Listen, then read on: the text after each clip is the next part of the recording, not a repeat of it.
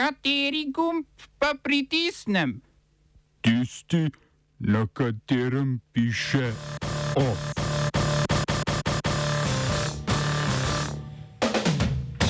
Bogdaj.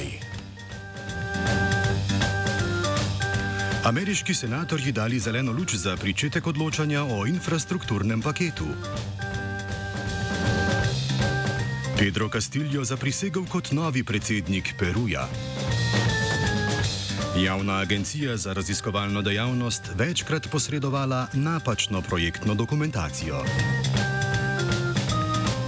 Rajko Gerič, novi direktor TS Media.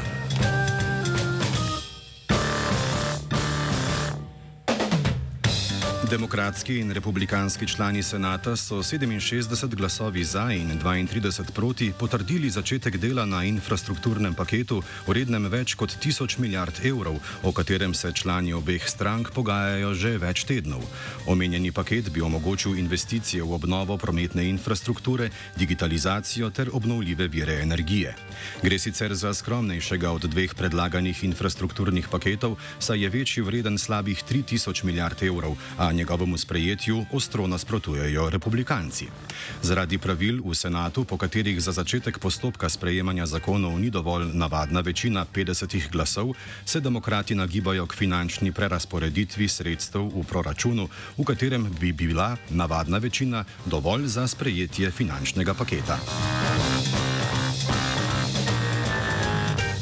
Ostajamo pri dogajanju v ZDA. Predsednik Joe Biden je sprejel belorusko opozicijsko voditeljico Svetlano Tihanovsko.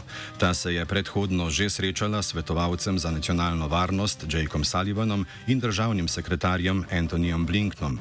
Tihanovska si želi ameriško pomoč zoper oblast beloruskega predsednika Aleksandra Lukašenka, kateremu oporeka zmago na volitvah.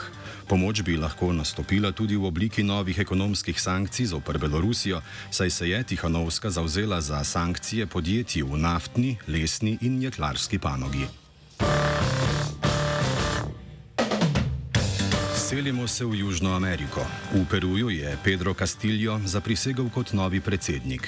Castillo, po poklicu učitelj, ki nima predhodnih političnih izkušenj, je za prvo prioriteto svoje vladavine izpostavil spopadanje s pandemijo. Peru ima namreč v preteklem letu najbolj povečano smrtnost na svetu. Izpostavil je željo tudi po združevanju, saj v državi skoraj vsak tretji volivec verjame nedokazanim trditvam poražene predsedniške kandidatke Keiki Fujimori, da je ona zmagovalka volitev. Castillo bo svojo ministersko ekipo predstavil v prihodnjih dneh, saj naj bi bila ta ena izmed virov nesoglasi znotraj njegove stranke Svobodni Peru. Poleg tega bo moral Castillo sodelovati s kongresom, ki ga bodo vsaj do leta 2022 vodile opozicijske konzervativne stranke.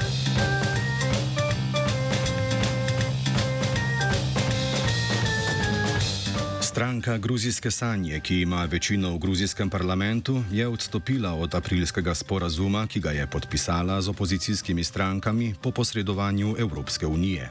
Po besedah predsednika stranke Iraklija Kobahidzeja je sporazum izpolnil svoj cilj. Hkrati pa je Kobahidze opozicijske stranke obtožil, da ne izpolnjujejo pogojev sporazuma in da so lokalne volitve pod pogoji sporazuma v nasprotju z nacionalnimi interesi.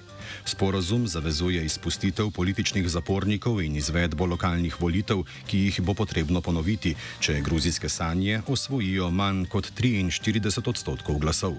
Lokalne volitve so napovedane za oktober. Največja opozicijska stranka, Združeno narodno gibanje, k sporazumu ni pristopila, saj je bilo za njo več členov v sporazumu nesprejemljivih. Nemško zvezdno vrhovno sodišče je razsodilo in pritrdilo nižjemu sodišču, da je praksa imenovana cum-ex nezakonita. Gre za način pridobivanja sredstev preko hitrih transakcij vrednostnih papirjev z in brez pravice do dividend. Na ta način sta lahko tako kupec kot tudi prodajalec uveljavila večkratno povračilo davkov za transakcijo, ki zahteva zgolj enkratno plačilo davka. Do ukinitve pravne luknje leta 2012 je nemška državna blagajna po ocenah državnih služb na račun te prakse izgubila več deset milijard evrov. V sodnem postopku bo zaradi prakse banka MM Warburg dolžna vrniti sredstva v višini 176 milijonov evrov.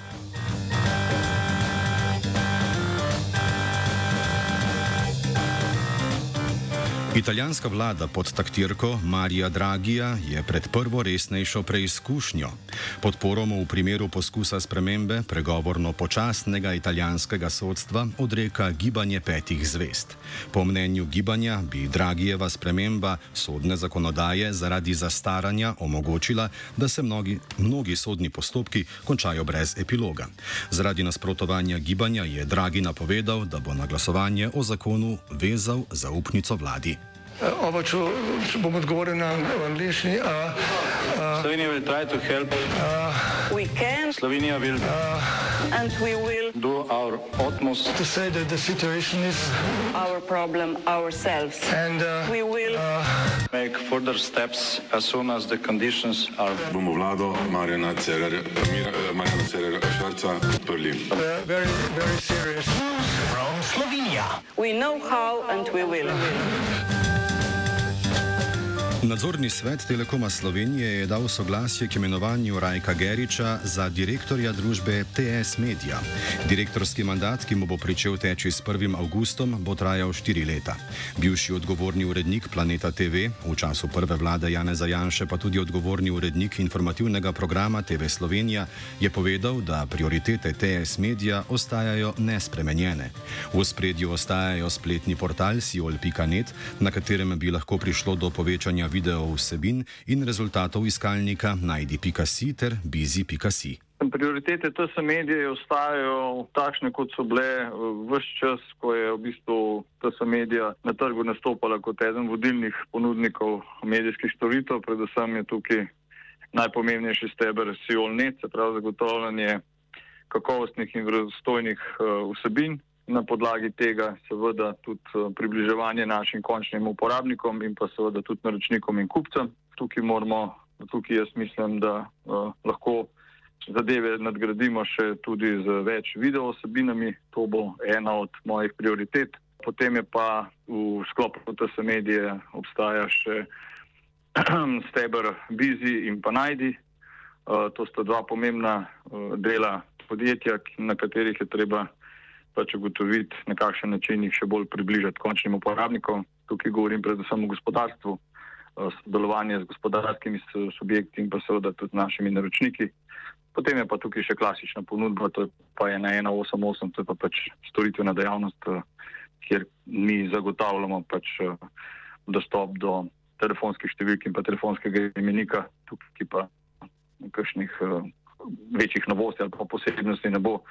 Tukaj je pač treba skrbeti za to, da bodo uh, naši uporabniki oziroma tisti, ki potrebujejo te storitve, dobili hitro uh, in pa uh, točne informacije. Javna agencija za raziskovalno dejavnost Republike Slovenije, krajše RRS, je več tujim recenzentom posredovala napačno projektno dokumentacijo.